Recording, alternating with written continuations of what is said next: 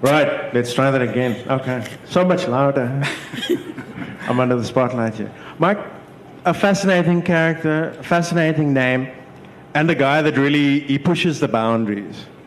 How much of Mike Nickel is in Fish Pescado? 100%. He's your alter ego, isn't he? Mostly the good looks. and the blonde hair and the big shoulders. And do you also drink Butcher's Block beer? Well, yes, I do. That's, that's probably, to be serious, that's the one thing we share in common, yes. Yeah. Um, but he, was a, he is an interesting character for me because I wanted somebody that was younger than the previous twosome. Um, and so he provides that. And it's a chance to relive one's former life. Not that I was ever a private investigator, but I did do a lot of surfing. You've got to give us more than that. You've got to give us way more than that. Fish Pescado is a. He is not only a, a burgeoning dope dealer, but he is a man that has all kinds of very interesting connections. Yeah, the, the dope dealing was probably the, um, the most interesting of it all.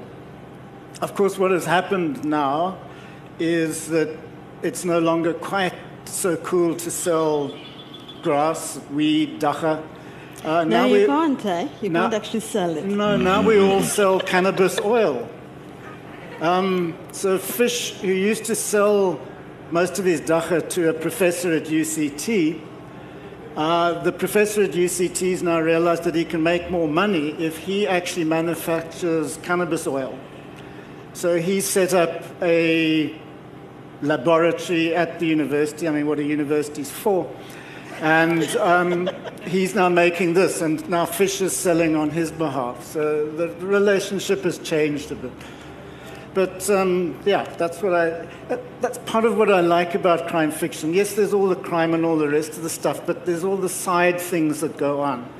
So one of the other characters that I take a particular pleasure out of is a Bergie called Janet, who lives on Fish's property, and she has a thing about fish. And um, so they get into little situations which Fish finds very uncomfortable. And Janet pushes those sorts of things. And that, that's where I take the enjoyment out of the crime fiction. Of course, killing characters, wonderful, but it's really the other things that I find particularly nice. And Fish is, of course, not single. He's uh, involved with a very alluring, very beautiful, and uh, quite, yeah. a, quite a dangerous woman, Vicky Khan. Yes, this has been an interesting one for me because I, I wanted to do two characters and I wanted them to have two different approaches. So Fish is a private investigator when he's not surfing. Vicky is a lawyer by profession, and then she gets subsumed into the State Security Agency, which she calls the Aviary, a la the Hawks, Aviary, etc., birds of a feather. Um, and I, I, wanted to have an espionage side to the novel as well as, as well as an investigative side because they allow you to do different things and they allow different ways to get to the truth. And it was this conflict within a novel which I thought would be quite interesting. So the characters uh, fascinate me from that point of view. Also, their relationship is a very testy one, um, partly because of they're doing different work, partly because Vicky has all these secrets. And so that, that I think helps, to, helps the texture of the book quite a lot. I've tried to give Vicky more play in the books, but Fish, I don't know, maybe it's the name.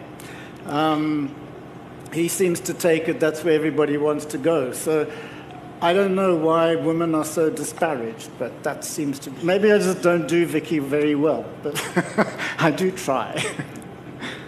Well, I mean, Fish is a nice guy. He cooks occasionally. He he's a he's a good lover. I mean, he's a pretty supportive. Yeah, um, and Vicky occasionally does much the same too. She has a flat which she doesn't live with Fish. She has an, her own apartment in the city. Fish is out at Muizenberg, obviously, so he's got easy access to the surf and south of the peninsula where the waves are even better.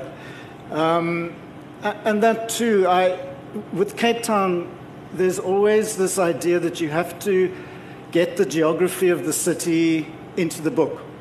And Cape Town is quite a difficult city to, to do that with because we have the rich suburbs along the mountain, and then we've got townships and poorer suburbs as you go out across the Cape Flats. So, by having one of them in the south and the other in the city, one can start to do something about the geography of Cape Town as they move about.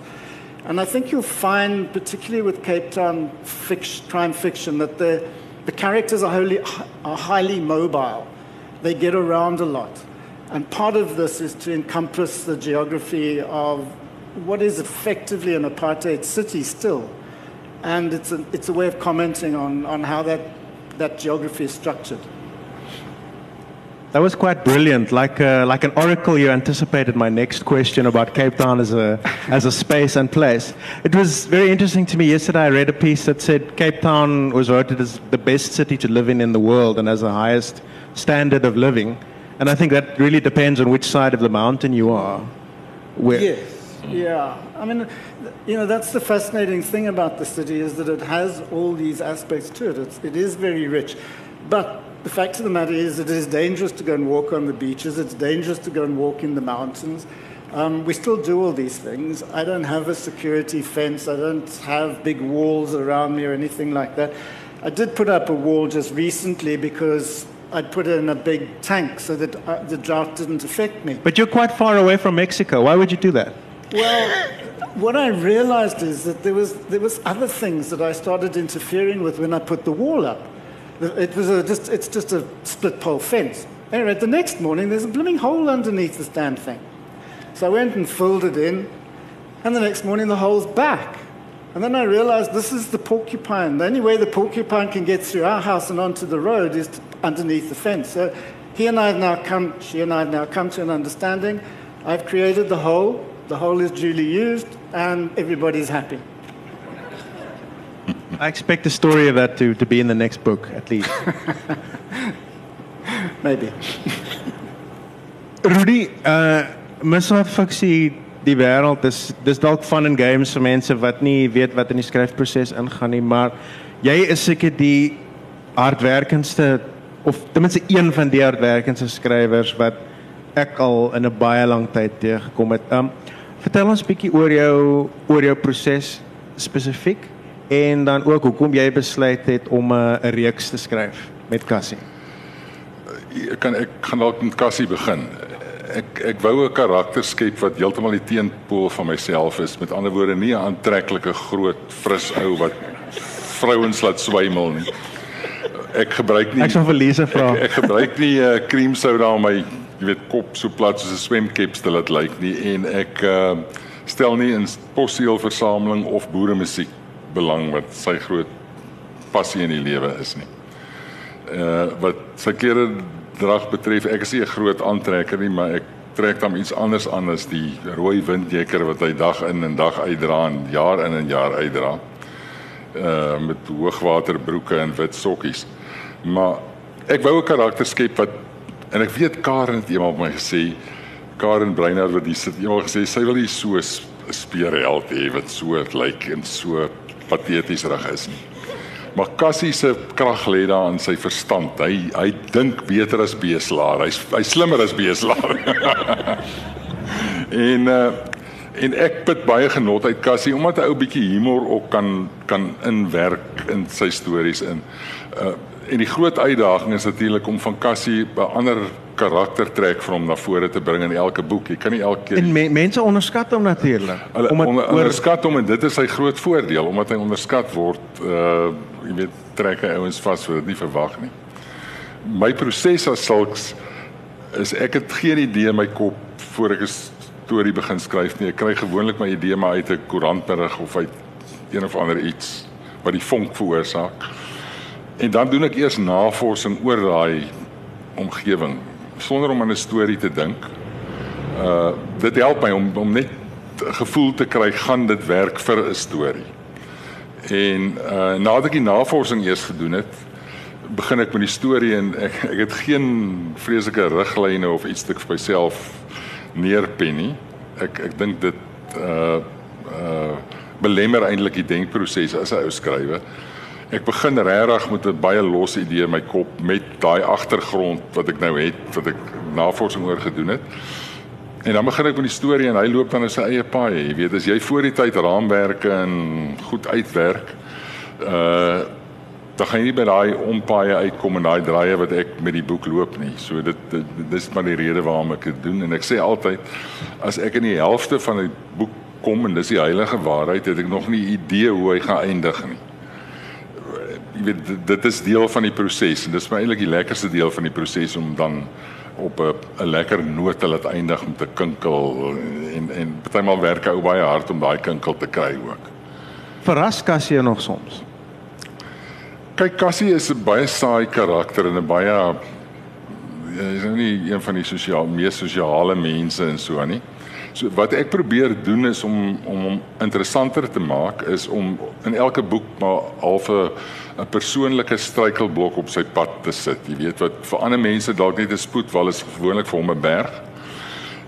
Of dit nou sy ma is wat verlief raak op 'n gewoonteleienaar in 'n ouete huis en of hy uh sy gesogte Kaapse driehoekseels op toer is in die wêreld waar daar onder meer aardbewings is en hom heeltemal van sy storie af, jy weet, van sy saak af laat laat fokus verloor ek gebruik maar sulke dinge om hom, jy weet, ander kante van sy uh van sy persoonlikheid ook vir die lesers te gee. Behalwe in die boek het ek maar my eie gevoel oor die onderwerp half geprojekteer na Cassie toe. En jou houdinge natuurlik vars alhoewel jy 'n reeks skrywer is deur Cassie, ek wil nie sê 'n neuwe karakter te maak nie, maar hy hy oordonder nooit die die ja. res van die karakters nie en hy's 'n hy's deel van die radwerk, maar hy's nie 'n Benny Griesel by. Ja, ek skryf nie heeltyd uit sy perspektief nie, jy weet, en, en dit werk nogal vir my. Ek dink as ek van die begin af uit sy perspektief geskryf het, ander woorde die hele boek uit sy perspektief beskou en beskryf het, uh, sou ek al uitgeskryf gewees dan Cassie teen die tyd, jy weet. En, en dit is nog nie die geval nie. Daar's ook baie dinge wat hy gaan doen. Nee, Cassie is wat dit vir my lyk is nog so populêr soos sy ouderdom worry my net bietjie. Jy weet ek is nou verbind daartoe dat ek by sy ouderdom bly. Hy's nou 54. Dit pla my so effens, maar Ja, hy het nog hy het nog 'n rukkie om te gaan. Wat is die aftree wat die aftree ouderdom vir die polisie? Ek dink in sy geval sou dit al gewees het seker, maar hy hy byt nog vas. Hy's te waardevol. As dit 'n ou raak, kan hy net 'n konsultant wees en 'n groot salaris. 'n konsultant wees, dis reg.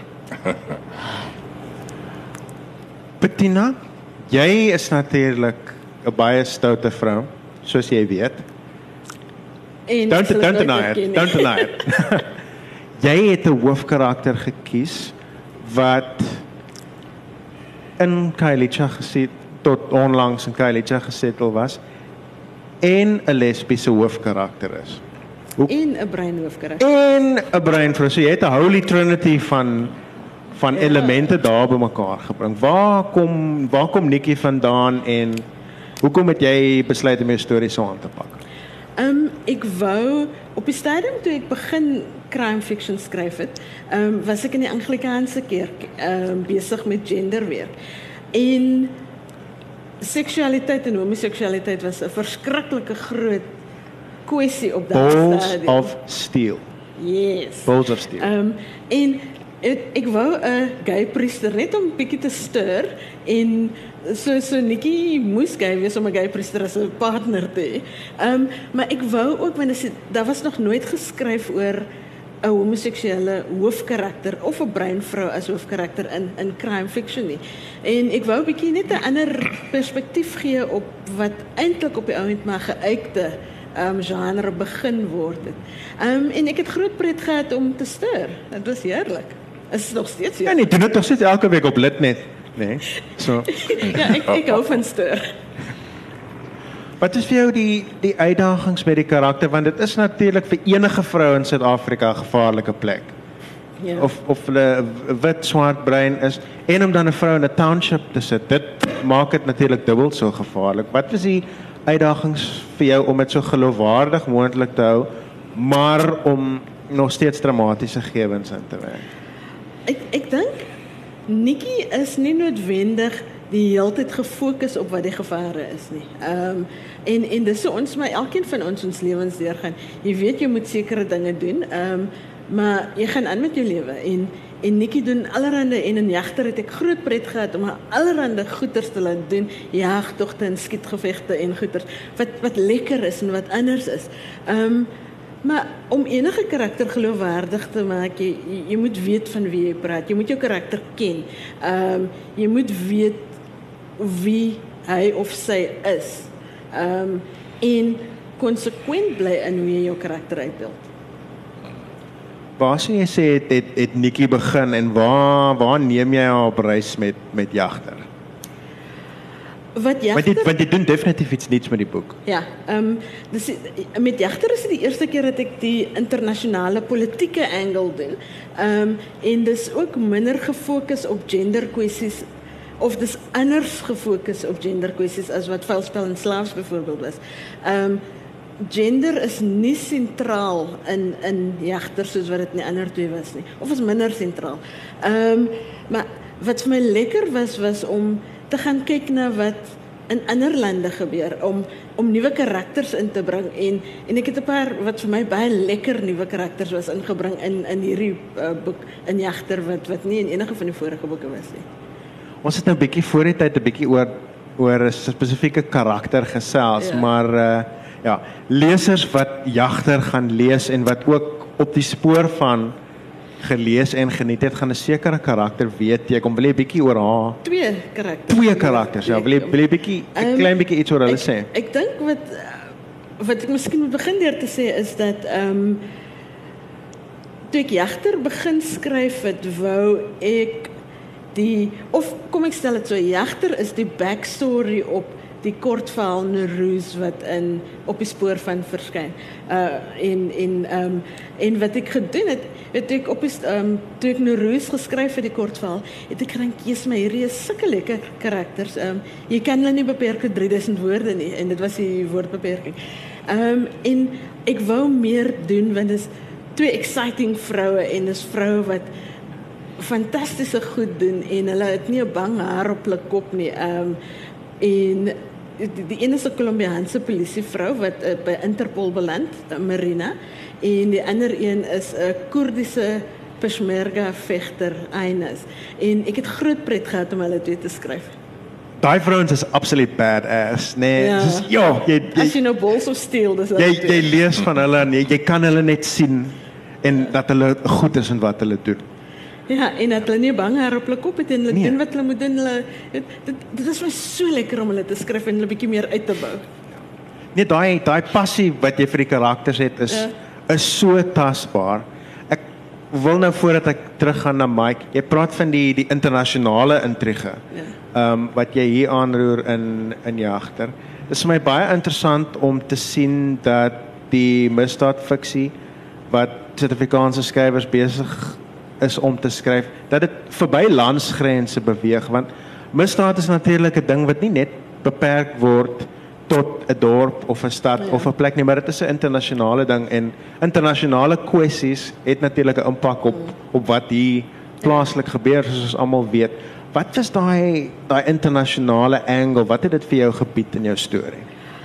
Ehm um, in die eerste plek kon ek karakters wat nie Suid-Afrikaners is inbring. Ehm um, en wat ek geniet het om te doen was om te kyk na hoe ehm um, vroue in ander lande behandel word. Ehm um, hoe godsdienst in ander lande hanteer word. So so dis al sulke lekker goeters wat wat bymekaar kom en ehm um, en wat ek groot pret mee gehad het. Want ons kyk onsself nogal baie in ons eie tonaals vas. Hierso Ja. ons het te baie ons, ons word baie vasgevang in ons eie klein wêreldjie Ja. en dan vergeet mens half dat Daar is soveel daar is soveel meer daar buite, ja. en en jy sê internasionaal, maar dit is ook transnasionaal. Ehm um, jy weet Ja. so so so in ons die wêreld word al hoe kleiner. Ehm um, dit enige dorp gaan enige dorp as jy Stellenbosch se strate afstap. Ehm um, dis nie meer net Suid-Afrikaners nie. Ehm um, Nee. daar's allerhande ander mense wat inkom en en wat die dorpe ander geur en flavour gee. En dit ek wou ek wou dit bietjie ontgin. Ja. Nee, mens kry 'n regte gevoel van die van die van die tekstuur van Ja. van die van die plek. Mike, you're of course a, a trendsetter in that you've been going international for for quite a while. Um, before we talk about your your translations, I want to ask you specifically about the fact that uh, you're dealing with exceptionally contentious issues in your in your novels, but particularly in Sleeper. And I want to ask your opinion about the this nuclear threat that you that you unpack in this book and how you do it specifically with very specific characters. Do you want to say something about that? the, nuclear threat was um, more or less by accident. when we went into the new country in 1994, there was suddenly an, a, a lot of ammunition available for sale because we'd been equipped for a war and now the war hadn't happened, and so there was all this ammunition. And I remember reading an article in Newsweek where the Americans had come in and bought up all this, this ammunition. And I thought, well, here's, this was probably an opportunity for some government official to make a few bucks on the side. And I thought, okay, if I took that idea and maybe when we went into the new country, we didn't, as we said we had, got rid of all our nuclear material. Maybe we had stockpiled some of it against a rainy day. And what if one of our ministers or directors general uh, decided that he'd make a nest egg out of selling some of this stuff? And because at, at about the same time, I think I read a statement by the man, I forget his name now, he was the DG of fisheries and something at the time. And he said, when you went into the civil service, you had to come out rich, which kind of said everything about what was going on in the civil service. So I then postulated this theory that we had some nuclear material Iran at the time was under sanctions and was looking to buy weapons grade material. So I thought, well, what would happen if two agents came over here and negotiated with somebody in the government to buy that material and how would they get it? when I started doing the research for this, I found it was the easiest thing in the world. And you actually didn't even need to come to South Africa. Uh, the material is not highly radioactive, so you can actually carry it in a briefcase. And, you know, it's crime fiction, so you can get away with twisting reality quite a lot. It seemed to me to be quite feasible that this could go out in a diplomatic bag to Iran at any day. Uh, so that, that was really the, the basis behind it. Um, it's, of course, completely and that's absolutely fanciful, and I'm sure we don't have any nuclear material at all, and I'm sure we're certainly not selling it to anybody, particularly ISIS or Iran. But, you know, uh, we've got to think about these things. Do you think they're listening now? Do we need, do we need to be worried? They listen all the time. And the trouble is that they're listening to so many of us that they can't hear anything. yeah, they, they say a paranoid is only paranoid because they have all the facts. They right? are out there. They are everywhere. The word they covers it all. and people don't take you seriously when you walk down the street on a Sunday morning and you shout these things. I have people shooting at me all the time. I have to go out in disguise most of the time. I wouldn't even have recognized. No, no. I, you know, one of the one of the great things about living in South Africa and being a writer is that no one recognizes you at all. nobody's reading. I think that's going to go down as a quote of the day, Mike. and it, I mean, it has to be a lot of fun to make people demurren. And you do that absolutely brilliantly because you just take risks in every single book and you just don't, don't care, really. I, you know, one has to amuse oneself. You're the first reader. And so if, it, if you get bored, well, then, you know, you don't stand a chance with anybody else. And I've found, I mean, writing crime fiction, everybody, both, both uh, Bettina and Rudy have commented on how it's great fun to write this stuff. But, but let me also say, it's bloody hard work. And I thought it would be a lot easier than it actually is. I think it is far more difficult than writing literary fiction. I think those people who write literary fiction don't know how lucky they are. They don't have to worry about plots. They don't have to worry about summarizing characterization within two sentences only. They can describe the dawn for 10 pages. You know, No, Mike, you're lying. It's 30 pages. sorry, 30 pages. We've got to get the whole thing down within five or six words. I mean, you know, this is cutting language to the bone. and it's, it's tough work.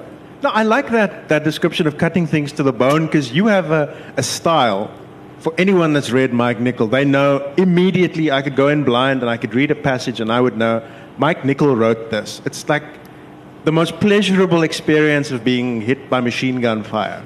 It makes no sense, but it shouldn't be enjoyable, but it is. How did you come across, or how did you hone that very particular way of writing? There, there were two things that happened. I started off my life as a poet. And you have to write poetry before you can write a novel because the transition is absolutely important and critical. Poetry teaches you about the value of words.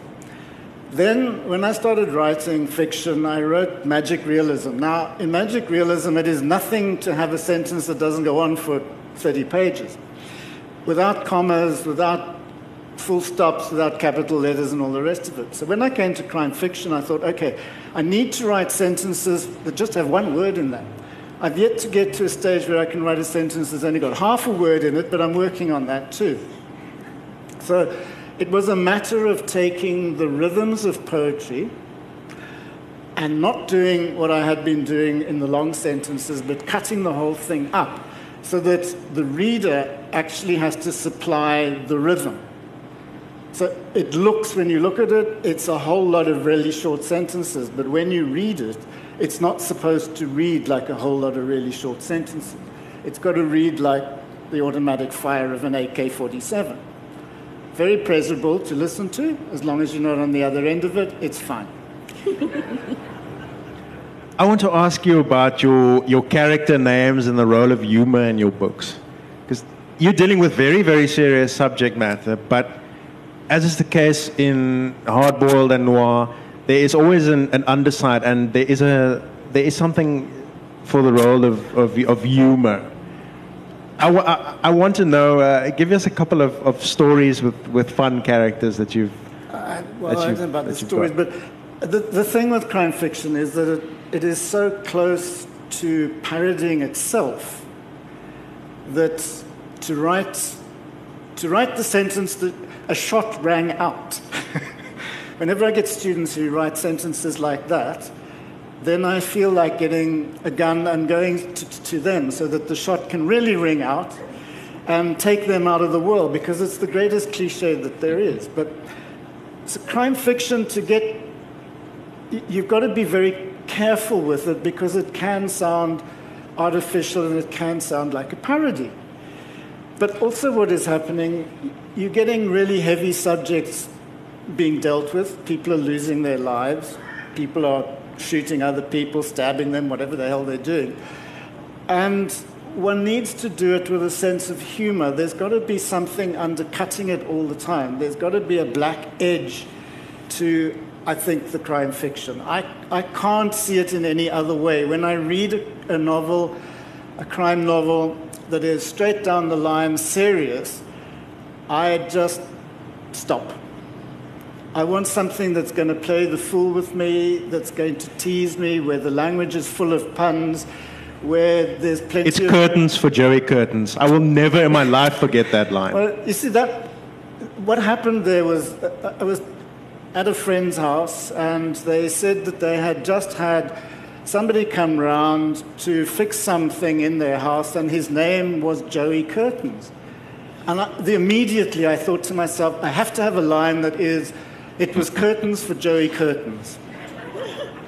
So I said, thanks very much. I took the name, I put the character into a book, and I think about 70,000 words later, I got to the part where I could have that sentence. and as far as I was concerned, that was the purpose of this book, was just to be able to write that sentence.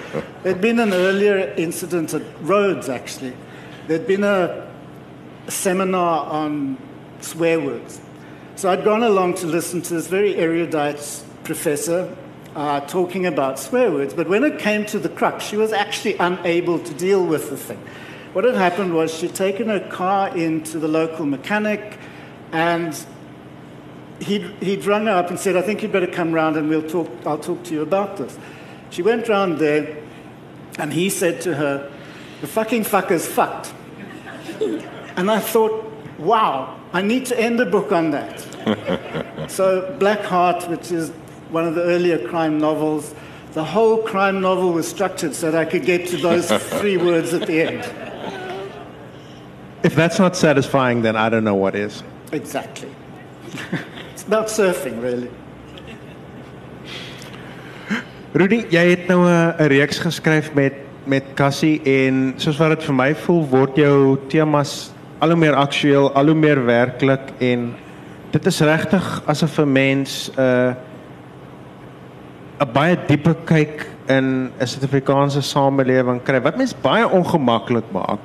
En ek wil jou vra oor die oor die omstandighede en die die oorsprong van van jou jongste boek Medusa en ook die die issues of mense as mense dit kan noem die die kwessies wat rondom die die skryf van die boek vir jou ehm um, uitgekom het want dit was definitief soos wat mense dit lees dit moes 'n baie moeilike boek gewees het om te skryf. Dit was 'n baie moeilike boek. Ek ehm um, ek het die boek ek het 'n paar berigte in die koerant raak gesien oor uh molesteerders en pedofiele en so meer. Ek gewonder of dit nie 'n tema vir 'n boek kan wees nie omdat dit so 'n relevante onderwerp in ons uh, is.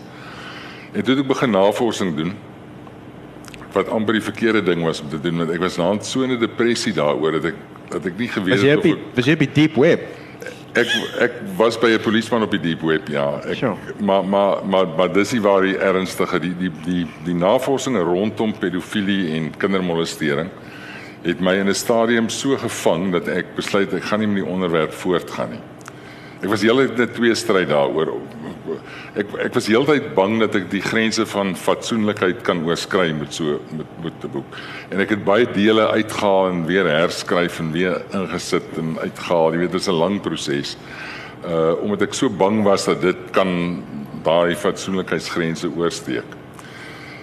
En hier teen die einde van my navorsing, nadat ek regtig baie bronne geraadpleeg het, het ek uh myself gesê ek kan nie met hierdie ding voortgaan nie. My my vrou sou kan getuig hoe uh swart tyd dit was vir my want ek ek kon nie slaap in die aande oor hierdie goed wat ek gelees het en, en oor navorsing gedoen het nie. Uh en ek het maar ek het nog twee afsprake gehad. Ek het 'n afspraak gehad met 'n dokter Celeste de Waal wat 'n kenner is van mensehandel handel en en kinderverkrachting. Dis ook 'n forensiese patoloog onder meer. Uh sy het my 'n klomp interessante inligting gegee en toe het ek gaan gesels met 'n dokter Stella Potgieter. Sy is seker die grootste kenner van pedofilie in die land. Sy het haar doktorale proefskrif daaroor geskryf. En haar passie en ongelooflike go om hierdie ding te bekamp en die statistiek wat sy vir my gegee het. Jy weet, een van die skokkendste syfers is natuurlik dat daar in Suid-Afrika en kenners is redelik eens daaroor tussen 200 000 en 500 000 kinders in Suid-Afrika verkragt word in 'n jaar. Daarvan kom net 22 000 in die hof. Dis het en dit sluit nie seksuele molestering in. Hierdie syfer van 500 000 sluit nie seksuele ander ander soort seksuele molestering in nie. So dis 'n geweldige probleem is dit wat se omvang die gemiddelde Afrikaner hoegenaamd nie besef nie. Die ander stukkie interessante inligting wat ek net terloops kan noem, my idee van 'n pedofiel is 'n ouerige ou wat met 'n jas agter 'n bos staan en wag vir 'n kind. Jy weet daai idee wat 'n ou het, daai prentjie wat En hy moet 'n waantjie hê. Ja. Daai idee wat 'n mens het terwyl die meerderheid pedofiele tussen 16 en 40 jaar oud is. En dit is vir my nogal 'n skok dat dit dit die ouderdomsprofiel is. Uh en en daar's nog baie ander skokkende dinge dinge wat my so geskok het dat ek dit in elf nie eers in die boek geskryf het nie, weet ek kon nie. Uh ek het wel uh gevalle studies gebruik, werklike gevalle studies gebruik van pedofiele wat teenoor mense nou hulle storie vertel het. Veral in die doktorale proefskrif van van uh Stella Potgieter. en ander bronne ook het ek gebruik om 'n karakter in my boek uh se denk en gedragspatrone geloofwaardig te kan kan oordra. Uh dit was my belangrik dit nou nie uit my eie hier sit 'n gordel nie, maar die maar die ergste van die boek is kyk is 'n skokkende boek in die sin dat ek dink die sagmoedige mense moet die boek lees nie. Of of mense wat wat gou my vrou weier natuurlik om die boek te lees. Sy sê sy kan nie met kinders enige iets met kinders kan sy nie hanteer nie. Maar ek dink nommer 1 was nodig om dit te skryf en dan natuurlik aan die ander gevare sosiale media, jy weet, ehm um, hoeveel kinders blootgestel word aan aan aan sosiale media, Facebook alleen. Facebook self het 'n paar jaar terug toe ek nou die navorsing gedoen het, gesê dat 11% van sy Facebook profile is vals profile. Dit is 140 miljoen wat omtrent 3 keer meer as die Suid-Afrikaanse bevolking is. Dis die hoeveelheid mense wat onder vals profile opereer en wat 'n wonderlike wegkruipplek is vir pedofiele, molesteerders, mensenhandelaars en so meer. En hierdie kinders se sagte teikens. Uh hulle kan al van watter ouderdom hulle word dink volgens die wet eers van 13 of 12 of volgens Facebook se beleid eers van 12 of 13 mag hulle 'n Facebook profiel hê, maar daar's geen manier om dit te, uh, te beheer nie. Hulle is al van 9 af, jy weet, op Facebook en hulle sagte teikens vir hierdie klomp ouens wat net kyk daarna. En natuurlik die die gemiddelde Suid-Afrika en ek sê nie almal nie, dit het al baie verbeter, maar ek dink die gemiddelde Suid-Afrikaanse ouer is nie bewus van wat se gevare daar op die internet skuil nie en wat se chatrooms hulle kinders rondhang en en en wat se tipe vriende hulle op Facebook maak nie. Ek dink dit is ook ook 'n groot probleem. Wat die polisie self sê is 'n enorme probleem in Suid-Afrika. En dan natuurlik die dark web is 'n plek waar jy nie wil gaan nie. Jy weet jy wil nie daartoe gaan nie. Uh en, en om mense 'n idee te gee van die dark web is altyd vir my interessant. Ouens dink hierdie oppervlakte web waarmee ons wat ons ken, wat ons gebruik, is groot. Die deep web is die volgende laag wat twee maal groter is as die oppervlakte web wat ons ken. En uit hierdie deep web het die dark web ont, ontwikkel. En daar wil jy glad nie gaan nie. Jy moet seker 'n tor program hê om om op die dark web te kan ingaan. Maar dit kan nie verbied word nie omdat baie nasionale intelligensieagentskappe wat hulle uh inligting jy weet baie veilig wil hou, kan dit net op die dark web doen. So die dark web kan jy pornografie pornografie bestel, jy kan uh, dwelms bestel, jy kan gesteelde kredietkaarte koop, jy kan huursoldate kry, jy kan sluipmoordenaars huur. Uh dis alles beskikbaar op die dark web. En niemand kan jou werklik, so Engels sê, trace nie, want jy betaal in in in kripto geld. Bitcoin was eers die gewilde ene, maar nou het hulle al die uh, FBI het al met Bitcoin sukses behaal, so hulle het nou oorgeslaan na 'n ander kripto geld eenheid, ek dink is Monero wat glad nie wat glad geen spoor laat nie. So en, en snaaks genoeg en ek gaan afsluit, ek wil nie te lank praat nie, die in in uh Chicago is die polisie self bly dat daar iets soos 'n dark web is want hulle sê daar's minder geweld op strate omdat die ouens nou hulle dwelms deur die pos kry en nie meer uh in strate beklei en bloed daar bloed vloei oor dwelms wat versprei word en so meer nie. Dit is dis ongelooflik. Ja, dit is mens luister na hierdie stories en dit is dis fascinerend, maar jy kan net jou kop skud want mense het geen idee van ja. wat eintlik wat om jou wat om jou aangaan. Ja. So, ehm um, ek wil voor ek na Bettina toe terugkeer, wil jy iets sê oor jou oor jou nuwe boek se titel? En 'n klein bietjie iets sê want dit is natuurlik 'n karakter in die boek. Ja, jy weet Medusa het vir my van kleintyd af toe ek die storie die eerste keer van Medusa lees, het die beeld vasgesteek in my kop van die lelike vrou met die skubbe op haar. Wat die lelikste van die drie susters is, die skreeuende slange wat op haar kop uh, is en dit was baie van toepassing op die karakter wat ek geskep het en die dinge waarmee sy haar besig gehou het, die klapband wat sy bedryf het en so meer het. Daai skreeuende slange het my daaraan laat dink.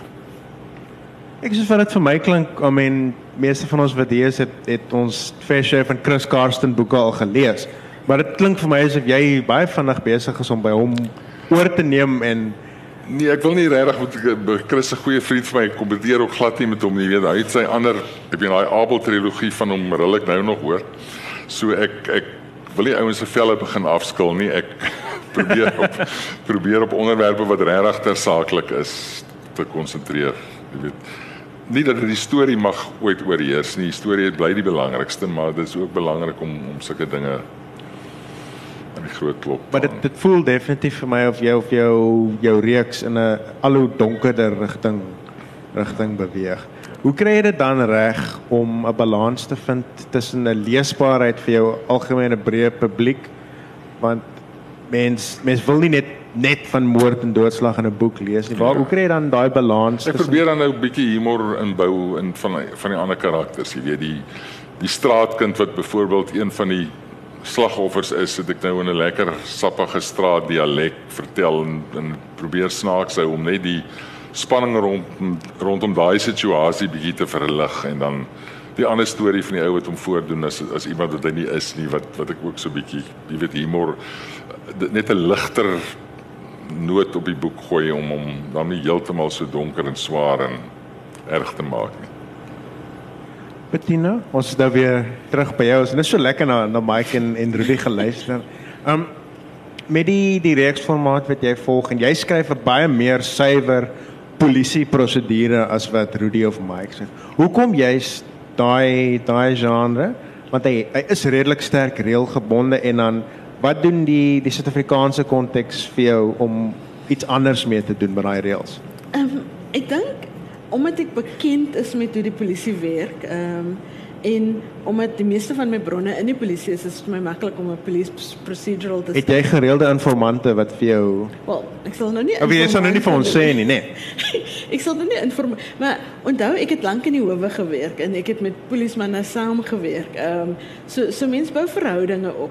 Bijvoorbeeld, toen ik um, ehm, Jachter geschreven heb, het een van um, mijn informanten, is wat jij hem noemt, um, my in die wapenklas van die polisiestasie ingevat, vir my R5 in die hand gestop. Hier staan ek met 'n ding wat hoeveel koels per minuut kan skiet en die ammunisie is daar. Um, en jy weet en, en hulle het my laat speel met hulle toys en goeders en dit was heerlik. Um, maar dis omdat dit 'n bekende omgewing is en dis omdat ek die die mense, die bronne het wat vir my kan verduidelik waar um, en is natuurlik omdat dit reëlgebonde is, kan jy binne die reël speel met verskillende goeders. Ehm um, en dit is vir my lekker om op die rande van die reëls rond te dans. Lees as wat mense lees, mense kom, mens sien daai passie wat jy het Ja. vir jou vir jou karakters en die stories kom baie sterk oor. Ek wil vir jou vra oor jou jou gawe vir aksietonele, want ek dink nie ek het al 'n plaaslike skrywer gelees wat aksietonele so soos jy kan skryf nie. Dit is ongelooflik filmies en is dit slaande mense asem weg want jy voel letterlik of jy daar is op daai oomblik met die koels wat reën en die mense wat spartel en die bloed wat spat en dit voel letterlik of jy in daai tonele is. Wat wat is dit vir jou om hierdie goed te skryf? Want um, ek ek probeer dit so visueel as moontlik doen. Ehm um, weet uh, en voordat ek so ik heb een ritueel dat voordat ik een actietoneel schrijf, dan, dan speel ik of Shaggy of een van die rap owens. Dat mensen heel Shaggy! Opgezaaid. Hoe kan je opgerakt worden? It, was, it wasn't me, kan niemand opzwijken. nee, maar wat ik bedoel is, um, je, luister niet een beetje naar zijn ehm, maar maar ik, ik speel muziek wat mij helemaal... En dat is net wat ik doe voor ik een actietoneel Dan zie ik heel opgezaaid. Mensen moeten het zeker niet zo herkennen. Het um, is een ehm, beetje gangsterrap. Bietjie ja, Bietjie DMX. het- En en um, omdat die musiek vinnig is, skryf jy vinnig. Um, vinnige kort sinne en dis die dis die dis die triek eintlik. Um, maar ek probeer dit visualiseer sover as wat ek skryf. Um, en as ek dit kan visualiseer, gaan die leser dit visualiseer en dis in aan die einde van die dag is dit al wat saak maak. Wat was vir jou die die grootste uitdaging om oor geweld te skryf? Want jy's natuurlik amper meer as omtrent enigiemand anders. Jy is baie bewus van die geweld teen vroue in hierdie land en die die sosiale konteks. Hoe skryf jy oor geweld op 'n op 'n verantwoordelike manier? Oh, die vraag is skryf ek oor geweld op 'n verantwoordelike manier. Ehm um, ek probeer om dit nie te sens sensationalize, wat se woord? Ehm um, maar maar terselfdertyd om beide die oortreder en die slagoffer menslik te maak. Ehm um, weet want niemand is heeltemal 100% goed of 100% sleg nie. Ehm um, en dis natuurlik iets wat ek uit my hofwerk moes leer want ek was 'n verdedigingsprokureur. So jy jy werk met hierdie mense wat aangekla word van die verskriklikste goed. Ehm um, en as jy met hulle begin praat, dan kom jy agter my dis 'n persoon met 'n ma en 'n pa en 'n familie vir wie hulle omgee. Ehm um, ek het byvoorbeeld geweier om met pedofiele te werk. Ehm um, want want dit is vir my onaanvaarbaar. Maar 'n vriend van my het 'n hele netwerk van pedofiele gehad met wie hy gewerk het en ons was oortuig hulle het sy naam so neer in die rond. Daai sin klink absoluut verskriklik. 'n Net uit saamgewerk met 'n netwerk pedofiele. Wow. Ek sê nou saamgewerk, hy het 'n netwerk verteenwoordig. Ah, Ehm, okay. uh, nie saamgewerk nie. Hy's 'n prokureur. Dit beteken nie. Ehm um, maar maar so so 'n mens kom agter dat selfs mense wat die verskriklikste goed aanvang is mense. Ehm um, en en partykeer is die slagoffers nie heeltemal so onskuldig soos wat 'n mens wil hê nie. Ehm um, maar maar wat ek probeer doen is om een die geweldstonele is nooit verskriklik grafies nie. Ehm um, en ek probeer om beide slagoffer en oortreder so menslik as moontlik oor te dra.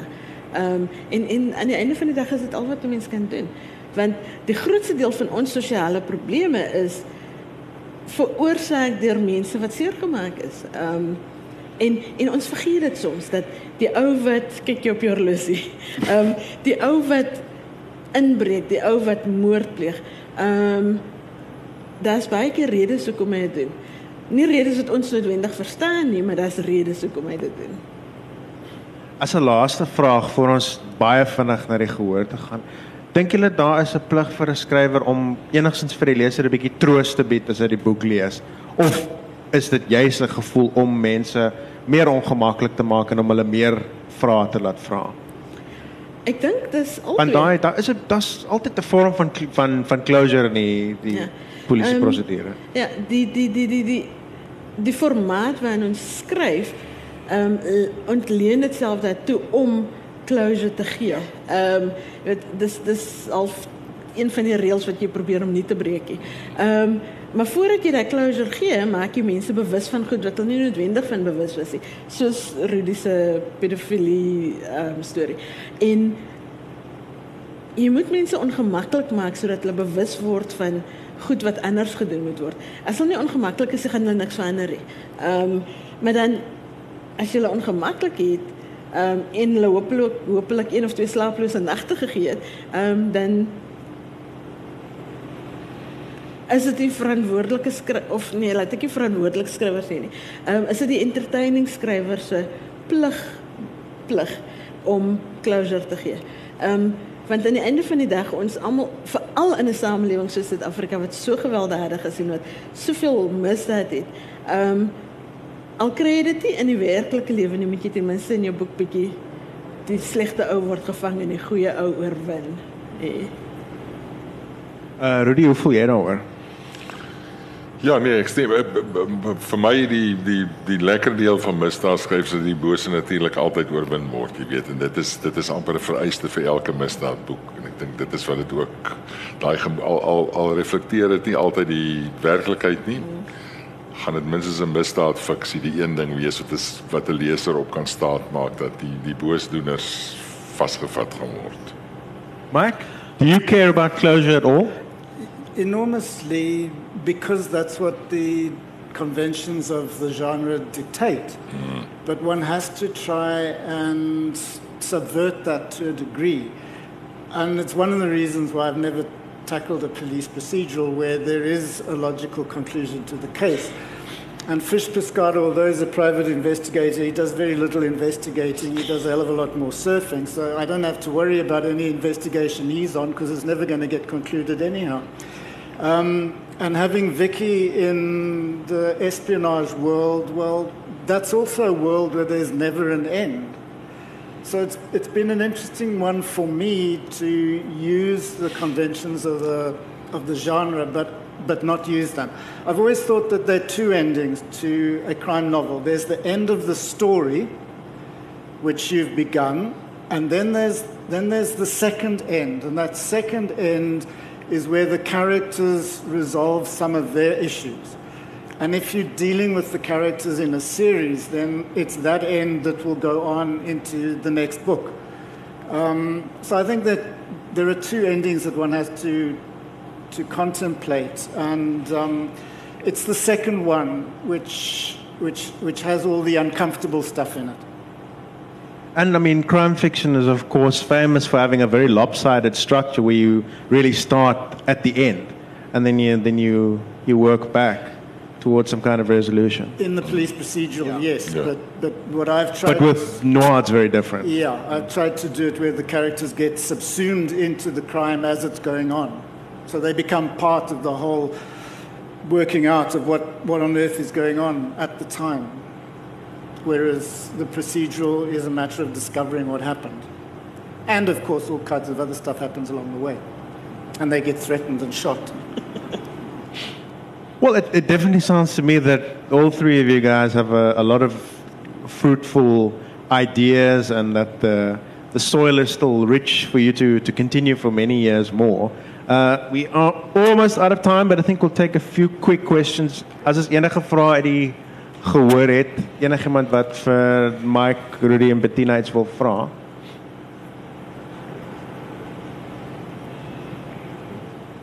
Shocked into Ons silence by these revelations. Ons is so volledig dat ons Nee. nie vader nodig het. nie.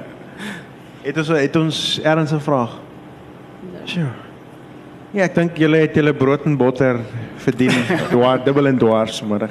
Thank you guys. That was, that was a really enjoyable conversation. Baie dankie you, julle. Dankie dat julle gekom het.